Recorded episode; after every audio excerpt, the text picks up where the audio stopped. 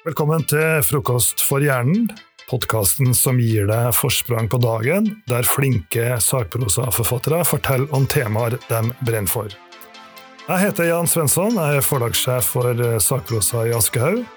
Og i dag har vi fått besøk av Shazia Majid, som har skrevet boka Ut av skyggene den lange veien mot likestilling for innvandrerkvinner. Velkommen i studio, Shazia Majid. Du har gitt ut boka Ut av skyggene. og Jeg tenkte jeg skulle spørre deg først om den tittelen. Hva slags skygger er det snakk om man skal komme ut fra? Først vil jeg si at Det vanskeligste med å skrive den boka var å finne en god tittel. Som det sikkert alltid er. Eh, men eh, til slutt så endte jeg med den fordi at det bare slo meg på et punkt i boken at disse kvinnene om det er mødregenerasjonen, og til og med også døtrene, at de står i skyggen av, eh, av uh, mennene. Uh, og ikke bare det, men, men, først og fremst patriarkatet. Og så har de stått i skyggen av historien. Og det som var interessant å finne ut, som også jeg var litt klar over, ikke omfanget, at hvor utrolig godt dekket Eh, mennene var, og fremmedarbeiderne var på 70- 80-tallet, og hvor forsvinnende lite eh, innvandrerkvinnenes historier ble, eh, ble fortalt. Da. Og, og, og, helt frem til nå. Så da bare slo det meg at det, det var det det måtte hete. At det, med denne boken så ønsker jeg i hvert fall å bringe deres historier og deres liv ut av disse skyggene og inn i allmennheten. Nettopp, og det må jo legges til at det er en forklarende undertittel her også, som er 'Den lange veien mot likestilling for innvandrerkvinner'. Så det er jo det som er temaet i denne boka her. Og spesielt én kvinne som du snakker om, som kommer til Norge 25.1.1973 til Fornebu. Ja. Hvem er det? Det er uh, min egen mor, som, som uh, bærer mye av boken og, og hennes historie Altså jeg er jo Alle barn kjenner jo til historien til foreldrene sine, tror man. Eh, og jeg trodde jeg visste det meste, men jeg gjorde ikke det. Eh, og når jeg begynte å snakke med henne om hva det jeg hadde lyst til å gjøre, hva jeg ville vite, hvordan det var, og når jeg begynte å spørre, som en journalist gjerne gjør eh, Men hvorfor var det sånn, hvordan bodde du, og hva skjedde da, og hva følte du da? Og da, da trer det frem en historie som Det har vært en tøff bok å skrive, rett og slett. Fordi at mammas historie er, eh, har vært mye mer dramatisk enn jeg hadde trodd. Hun kommer da eh, 23. januar Eller var det 25.? 23. Nei, 25. 25. januar. 25. januar 1973 ja. kommer hun, og da, er, da, kommer hun fra et vanlig hjem i Pakistan, i en storby i Pakistan. Hvor gammel er hun da? Hun er 22 år. Mm. Så hun er veldig ung, og hun har aldri vært utafor sitt miljø, altså sitt hus nærmest. Eh, i Pakistan. Og så blir hun satt på et fly til Norge, og hun tar jo av seg burkaen på flyplassen. Første gangen. Og så kommer hun hit, og, og så står pappa da klar med kortarma skjorter og bukser, slengbukser som var inn på 70-tallet. Så for henne så var det en stor overgang. Og eh, i starten så var det jo Hun elsket jo Norge. Hun syntes alt var fint og vakkert og stille og pent. Og det, men Norge er et fantastisk land. Og hun syntes jo også nordmenn var utrolig fine folk. Men eh, veldig kort etter at hun kom, så ble jo hun kastet ut i et arbeidsliv som skulle prege resten av livet hennes i Norge. Og Det var jo ikke helt eh, vanlig heller, det at eh, kvinner eller de som kom eh, som ektefeller eh, til Norge, jobba. Nei, og mamma er jo veldig unik, og det fant jeg ut mens jeg arbeidet med boken, at uh, ni av ti pakistanske kvinner som kom til Norge, jobbet ikke. Uh, og hun er jo en av veldig, veldig få kvinner som faktisk en, var en fremmedarbeider selv. Altså hun kom på arbeidsvisum. De aller, aller fleste kvinnene kom jo på familiegjenforening. Så sånn sett så er hun ganske eh, unik, og, også, og derfor har det, og hun var nødt til å jobbe. Det er jo det som er forskjellen på henne og veldig mange andre damer. Altså, for å bli i Norge så måtte hun jobbe. Ellers så ble hun jo kastet ut. Da. Ja, Så både hun og faren din måtte jobbe veldig hardt for hele tatt å holde seg gående? nær sagt. Ja, det, det, er jo det som er måte, det, det, er det som preger minnet hennes mest. da. Hvor utrolig eh, tøft den overgangen ble for henne. Og de hadde jo ikke, de hadde ikke én jobb som de fleste andre hadde. De hadde jo både to og tre jobber begge to. Og, jo, og statistikk fra den tiden viser jo at fremmedarbeidere eh, for det første hadde de tungste, eh, dårligst betalte, på en måte verste jobbene. Og i tillegg til det så hadde veldig mange to jobber, altså ekstrajobber. Så de jobbet jo mye mer enn eh, etniske nordmenn. Sånn var det denne gangen. Ja, Hun jobba da på Oslo Reiseeffektfabrikk til å begynne med. Hva slags ja, det, eh, jobb var det egentlig? Hun skulle si vesker. Si vesker, ja. ja. Men det var på dagtid. Og så jobba hun om kvelden også? Ja, hun, eh, de sorterte fiskekroker. Både, både, faren og moren din? Ja, ja. og, og det, pappa var jo litt sånn at um, det var han som uh, hadde jobbene, og så han, dro han henne med for å, for å, bli fortere ferdig. Sånn at, for, for han kunne gjerne ha tre jobber. Så, sånn at kunne, han kunne rekke den tredje. Nei, det, det, det, et, det, er et liv det er vanskelig å forestille seg for i hvert fall barn av uh, disse menneskene. da. Ja, jobba 14-16 timer mm. hver dag, altså. Mm. Pluss husarbeid, da. Som, men de delte jo litt på husarbeid også, ja, faren og moren din. Ja. Det var vel ikke, heller ikke helt uvanlig? Nei, og det er fortsatt ikke vanlig, dessverre. Uh, I mange Jeg kjenner jo mest til det pakistansk-norske miljøet. og det er jo fortsatt sånn at, eh, og Selv i min generasjon og selv i de yngre generasjoner så har menn noen forventninger om at de skal slippe å gjøre dameting.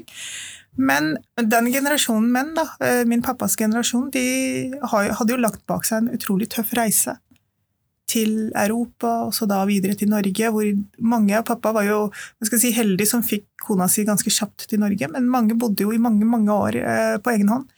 Og lærte seg å rydde opp, opp etter seg, vaske klær og alt det der. Så pappa var jo Han var eh, veldig ålreit på det der. Så de, de delte på husarbeid. Nettopp. Eh, du har et kapittel her som heter 'Fremmedarbeiderne kommer'. Altså Fremmedarbeidere er ikke et ord vi bruker så mye nå lenger, men det var jo helt vanlig da i 1971, mm. da det starta opp. Hvem var det som kom, og hvordan ble de tatt imot? Eh, bruk, eh, det, det, var en vurdering også jeg gjorde om jeg skulle bruke det ordet, men jeg gjør det fordi det var det de ble kalt i mm. mange mange år. Fremmedarbeidere. Eh, og de kom fra Den gruppen jeg har tatt for meg, er nettopp fremmedarbeidere og deres barn, og det var pakistanere, tyrkere, marokkanere og indere. Det utgjorde fremmedarbeidere denne gangen. Og hva, hva, hva slags mottakelse fikk de her i Norge? det er eh, Hva skal jeg si? Eh, det er vanskelig å karakterisere det. Jeg, eh, i, i, alle år da, så har jeg på en måte trodd og tenkt at Norge trengte fremmedarbeidere. Det var en arbeidskraft det var behov for.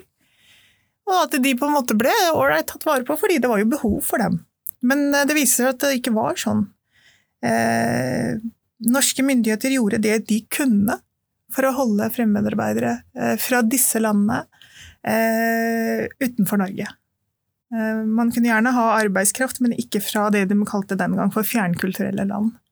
Så det var ingen fri flyt og 'kom gjerne til oss'. Det var ikke sånn. Det, det oppstår Det er en veldig kort periode i historien hvor det oppstår et rom, som er da sommeren 1971, altså der omkring, Eh, hvor man får en, en, si, en, liten bølge da, med noen hundre menn eh, som kommer seg inn.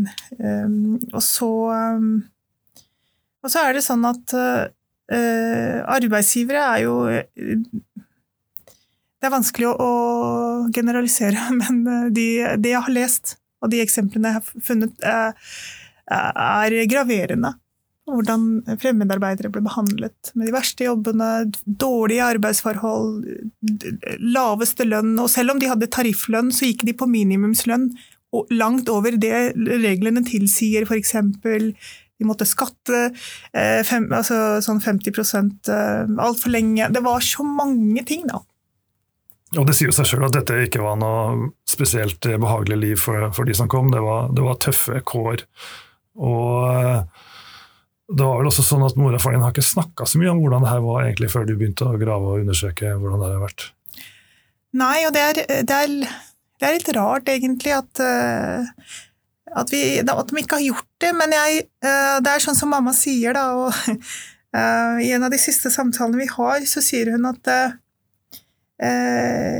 ja, men vi fikk det jo bedre økonomisk. og det, jeg tror det handler om hvem de hele tiden sammenlignet seg med. De sammenlignet seg hele tiden med de som bodde i Pakistan eller Tyrkia eller India, som hadde det verre enn dem.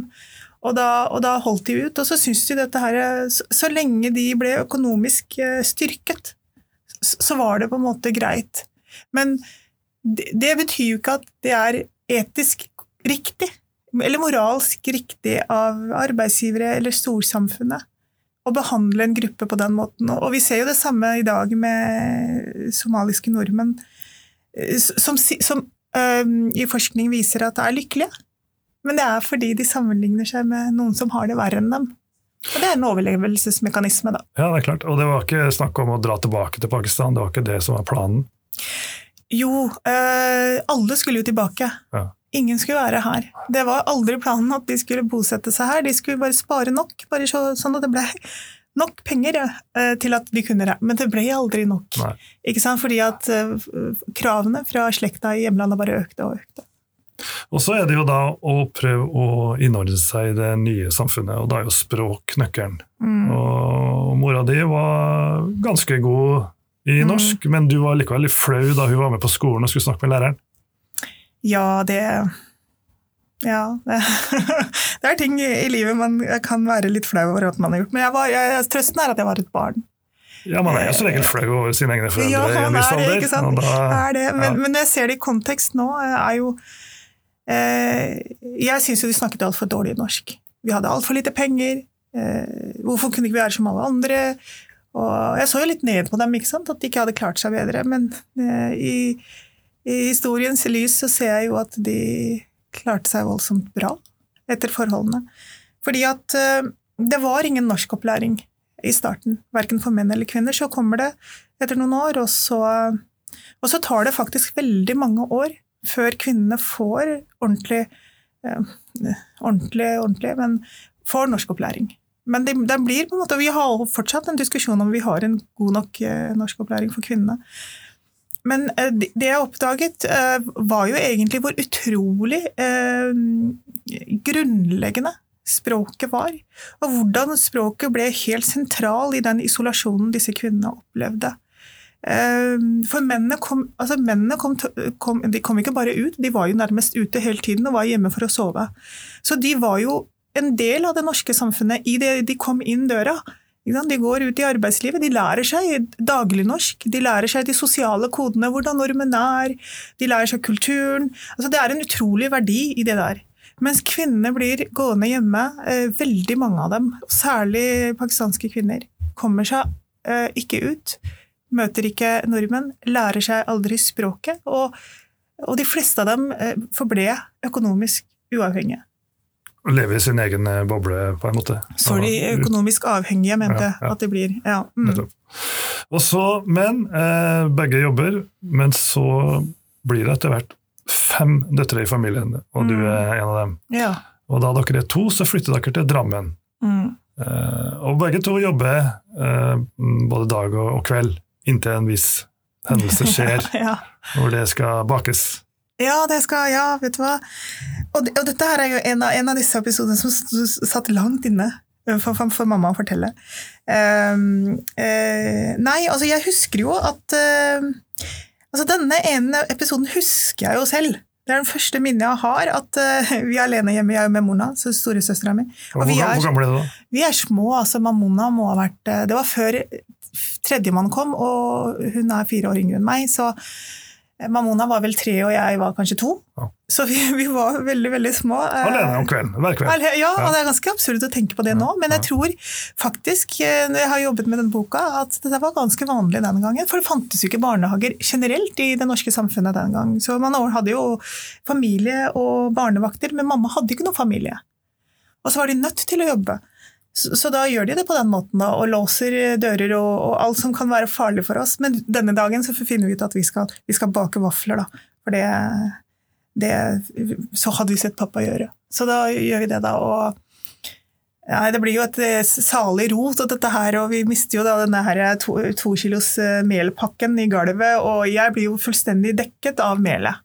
Så kommer mamma hjem, så kommer det sånn primalskrik. Jeg husker det her. Jeg husker det ansiktet hennes. Og, og den skrekken som sitter der. ikke sant? Og, jeg, og, og Som barn så må det ha gjort veldig inntrykk på meg, for jeg husker det.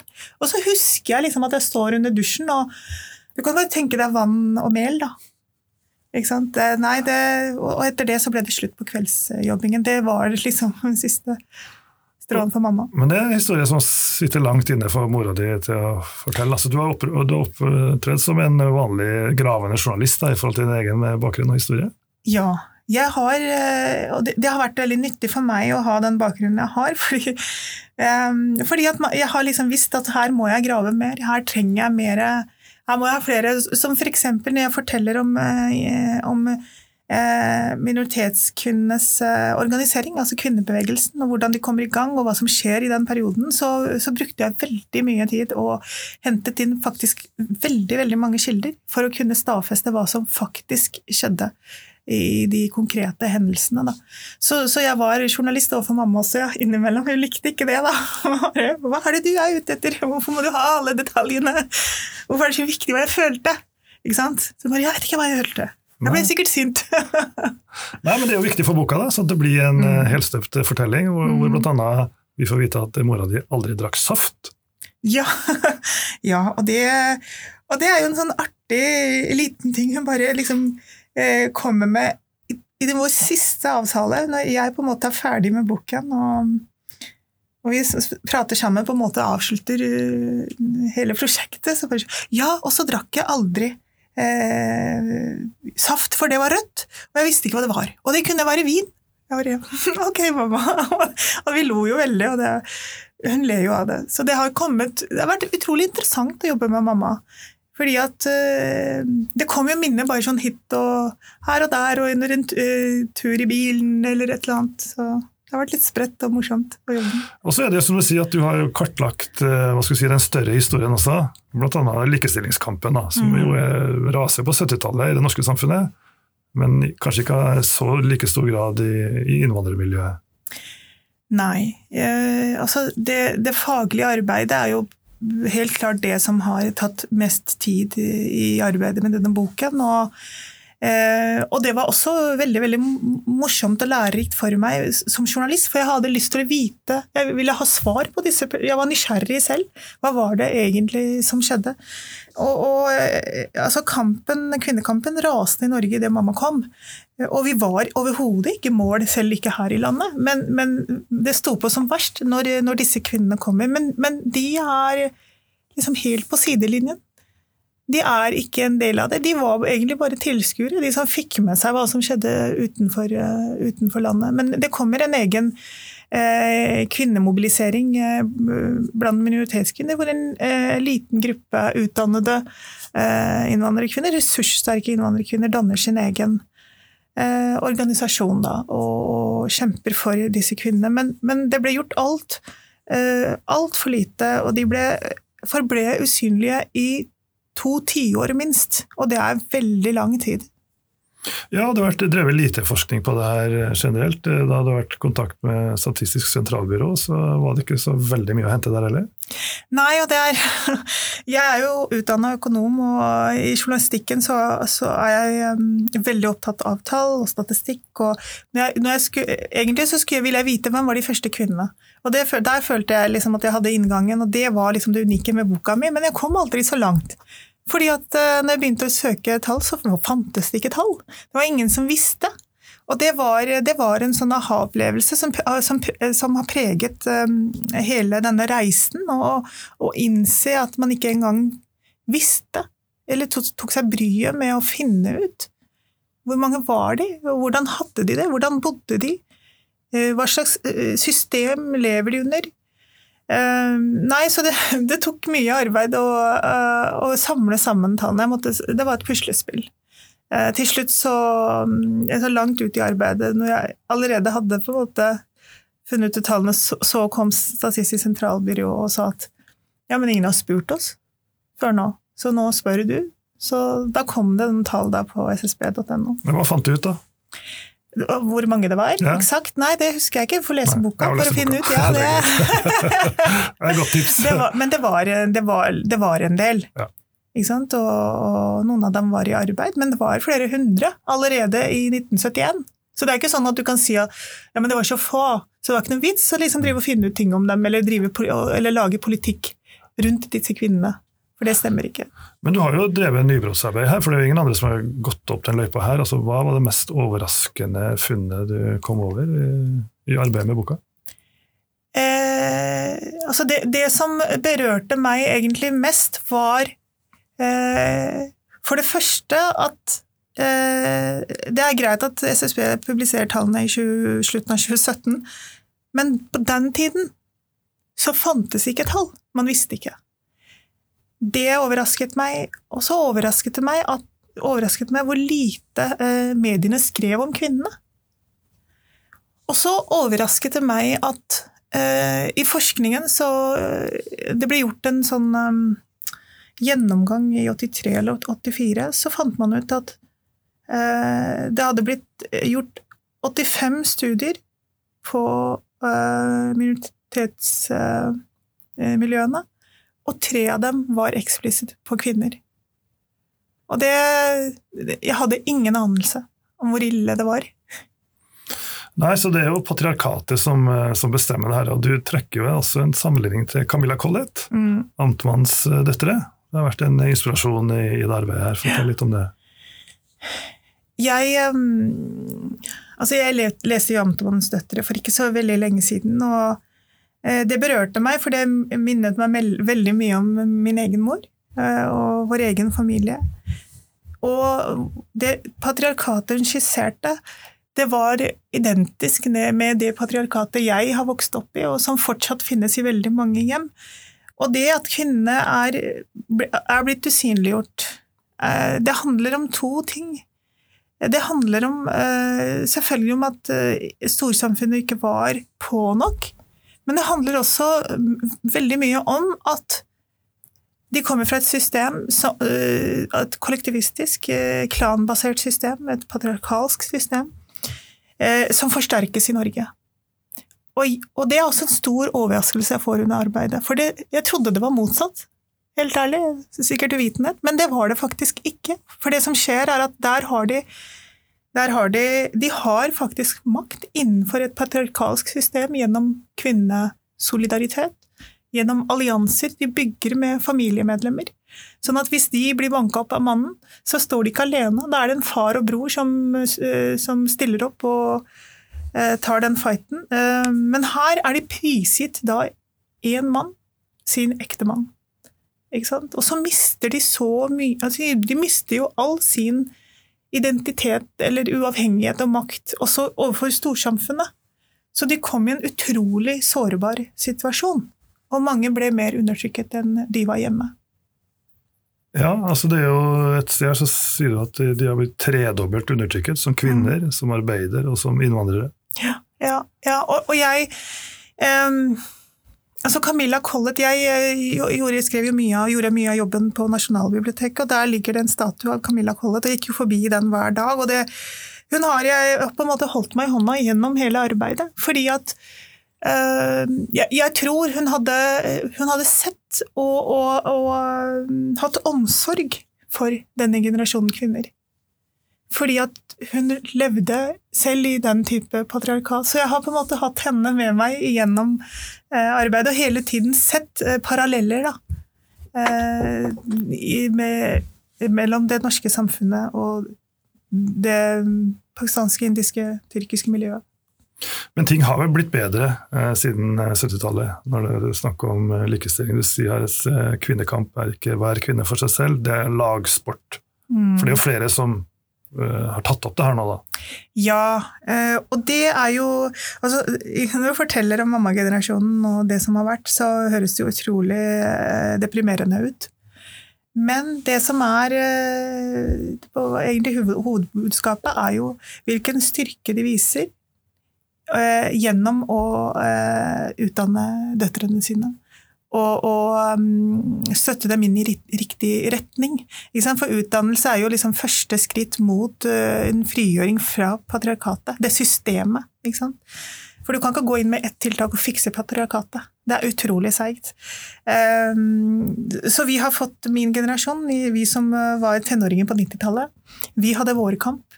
Det, det har vært tre-fire bølger. Den første var jo disse her kvinnene som organiserer seg første gangen, i eh, slutten av 70-tallet. Så kommer min generasjon, 90-tallet, eh, som er liksom eh, Ja, det er mange navn, men det, det er i hvert fall vi starter opp med ting, vi, vi, vi begynner å kjempe, tvangsekteskap blir satt på dagsorden. Det kommer tiltak mot tvangsekteskap, øh, æresvold og den type ting. Og så kommer det en ny liksom, omdreining på midten av 2000-tallet, med nye stemmer. Og så nå endelig, i 2016-2017, så, så, kommer det enda en bølge. Og, og, gjennom disse bølgene så styrkes kvinnene uh, hele veien. Altså, jeg har en helt annen eh, eh, plass i samfunnet enn det moren min noen gang fikk. Og selv om moren min var den som faktisk kunne norsk og var ute i arbeid. Altså, vi er jo ressurssterke. Vi, vi, kunne språket, vi hadde nettverk, vi er høyt utdanna, gjør det bra. Eh, og nå er det jo sånn at eh, det, det, nye nå er jo at det er kvinnesolidaritet blant eh, kvinneaktivistene i, i, våre miljøer, da. Så, så det, har, det, har, vært en voldsom utvikling, og det er jo veldig gledelig, da. Eh, at eh, på tross av alle de um, begrensningene våre foreldre hadde, og særlig våre mødre hadde, så har vi hatt, eh, tatt kvantesprang fra den ene generasjonen til den neste. Også med hensyn til hvordan folk gifter seg, de bor, hvordan de jobber, husarbeid. Vi er jo nesten eh, Eh, vi oppfører seg som nordmenn flest. og toppe utdanningsstatistikker. Mm. Ja, så det er jo det er veldig fint. Og også en fin scene her eh, i det øyeblikket du får uh, førerkort. Ja. Som også er en sånn frigjøringsprosess. Ja. Vet du, mamma Mamma har jo alltid vært litt sånn pioner, hun egentlig. ikke sant? Hun, det var mye i henne, bodde mye i henne. Hun hadde bein i nesa, den kvinnen. Så hun, ha, hun skulle ta førerkort um, på 90-tallet. Det, det, var fordi at familien trengte henne og den uavhengigheten en bil er. Og hun prøvde og prøvde, men fikk det ikke til. Og hun kjørte opp fem ganger. Og hun uh, sier jo fortsatt at uh, skulle ønske jeg hadde tatt den lappen, at ikke jeg ga opp akkurat da. ikke sant? Um, og, så jeg, og, så kjører jeg, opp uh, i Dette var i 94, da, og så tror jeg at jeg ikke har bestått. Uh, og så får jeg førerkortet og løper hjem da hele veien, så tenker jeg at jeg skal ikke si det til henne. Liksom, først skal jeg bare si at nei, nå er jeg Oi, sorry, jeg strøk på førerkortet. Men så klarte jeg ikke å ljuge om det, da. Og så sa jeg det til henne, og så satt vi der begge og grein, da, for det var så stort. Det var så stort og det er rart å tenke på det. Hvorfor betydde det så enormt mye for oss? At jeg hadde tatt lappen, liksom. Jo, det, vi hadde plutselig blitt liksom uavhengige. Man kunne bare kjøre bil sjøl, og kunne handle selv og besøke venner og liksom sånn. Nei, det, så når, når, vi har den debatten i Saudi-Arabia med, med førerkort og sånn, jeg, jeg, skjønner det veldig godt. Hvorfor det har så stor betydning, liksom. Frihet, mm. det er det. Nei, så de mor, til tross for at hun har levd et tøft liv, så har hun da oppfostra fem vellykkede døtre som, eh, som, lever gode liv. Mm. Eh, og det er jo eh, den lyse sida av den historien her. Og vi må jo skryte litt at du har jo fått veldig god respons på boka di. Jeg skal sitere et par gode ord. Du tåler det, Shazia? um, for en penn hun fører, Shazia Majid. For en historie hun løfter frem, sier de i VG. En banebrytende stykke samtidshistorie, sier de i Dagbladet. Formidabel debut, sier de i Stavanger Aftenblad og triller terningkast seks. Eh, hva slags respons har du fått ellers av vanlige lesere? Eh, det har vært eh, egentlig veldig surrealistisk, hele, hele mottakelsen. Jeg har jo før boka kom ut, så hadde jeg jo et sånt morgenmøte på jobben. Så sa jeg at eh, bare vær forberedt på at jeg kommer til å få veldig mye kritikk, og at det kan komme hets, og at det kan komme trusler, for det er det jeg er vant til eh, gjennom jobben min, og hver gang jeg har uttalt meg om sånne ting. Eh, og så når jeg nå får ros, så er det bare sånn Jeg vet ikke engang hvordan jeg skal håndtere det. eh, men eh, det er så utrolig rørende når eh, døtre da, av innvandrerkvinner, og innvandrerkvinner selv, tar kontakt gjennom sosiale medier eller mail, eller faktisk fysisk. Og bare griper tak i meg og er, er så takknemlig, eller sier at 'jeg kjenner meg igjen', eller, eller at dette er så viktig, så, så tenker jeg at alt var verdt det. Da sier vi at det er siste ord. Tusen takk for besøket, Shazia, og tusen takk for den flotte boka du har skrevet. Takk skal du ha. Takk for at du hørte på Frokost for hjernen. Husk å abonnere på podkasten i din podkast-app, så høres vi.